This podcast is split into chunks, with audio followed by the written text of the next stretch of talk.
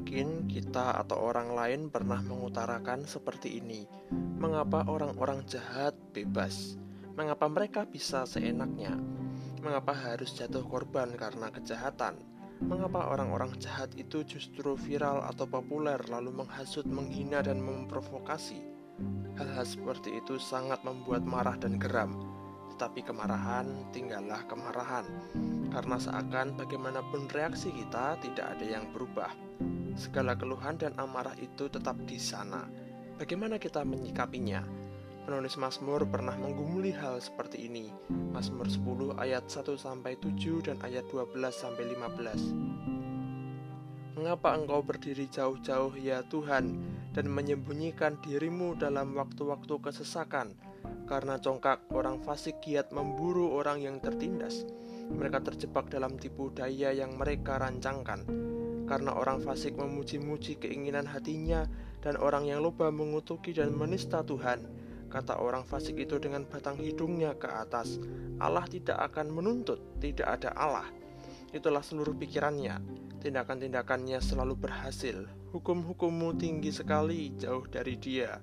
Ia menganggap remeh semua lawannya. Ia berkata dalam hatinya, Aku tak akan goyang. Aku tidak akan ditimpa malapetaka turun-temurun Mulutnya penuh dengan sumpah serapah, dengan tipu dan penindasan. Di lidahnya ada kelaliman dan kejahatan. Bangkitlah Tuhan, ya Allah. Ulurkanlah tanganmu, janganlah lupakan orang-orang yang tertindas. Mengapa orang fasik menista Allah sambil berkata dalam hatinya engkau tidak menuntut? Engkau memang melihatnya, sebab engkaulah yang melihat kesusahan dan sakit hati, supaya engkau mengambilnya ke dalam tanganmu sendiri. Kepadamulah orang lemah menyerahkan diri. Untuk anak yatim engkau menjadi penolong. Patahkanlah lengan orang fasik dan orang jahat tuntutlah kefasikannya sampai engkau tidak menemuinya lagi Pertama-tama kita ketahui siapakah orang-orang fasik ini. Fasik berarti tidak peduli terhadap perintah Tuhan. Namun mengingat konteks bangsa yang religius setidaknya di Indonesia, setiap orang selalu dapat mengatakan bahwa mereka sedang mengikuti dan melakukan hal-hal yang mereka klaim perintah Tuhan, padahal asal-usul klaim mereka bisa tidak jelas. Tindakan mereka sama sekali tidak menunjukkan perintah Tuhan, yang sama-sama dikenal oleh bangsa Indonesia yang majemuk ini sebagai Tuhan yang pengasih, pengampun, dan pemurah.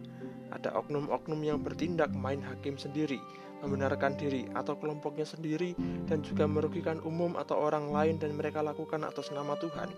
Juga berbagai tindakan kriminal dan kejahatan yang para tersangka lakukan serta menimbulkan korban. Ada juga penindasan berupa perundungan atau tekanan terhadap orang lain yang membuat korbannya tidak berdaya. Meskipun para tersangka dan para pelaku mengklaim beragama atau bertuhan, tindakan mereka justru menunjukkan kefasikan. Terkadang orang-orang yang menunjukkan tindakan kefasikan itu begitu percaya diri dan sombong, jelas menunjukkan bahwa dirinya tidak takut pada apa pun, termasuk tidak takut kepada Tuhan, sehingga dapat berbuat seenaknya, termasuk di dalamnya berbagai-bagai kejahatan dan tindak kriminal. Terhadap situasi seperti ini, tentu saja timbul kemarahan dan kegeraman pada diri masyarakat luas dan diri kita. Nurani pasti terusik ketika diperhadapkan dengan tindakan dan kesombongan orang-orang fasik.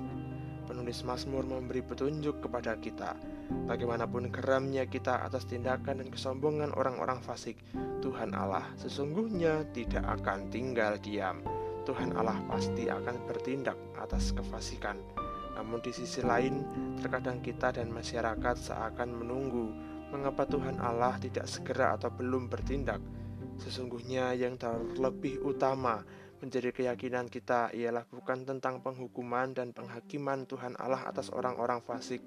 Tuhan Allah terlebih utama akan memperhatikan dan berpihak kepada mereka, para korban, dan orang-orang yang tertindas dan dirugikan dan menjadi tidak berdaya karena kefasikan.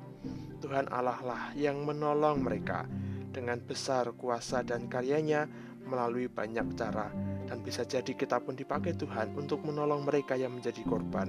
Selanjutnya dan selebihnya, penghakiman dan penghukuman bagi kefasikan ada dalam wewenang dan kuasa Tuhan Allah.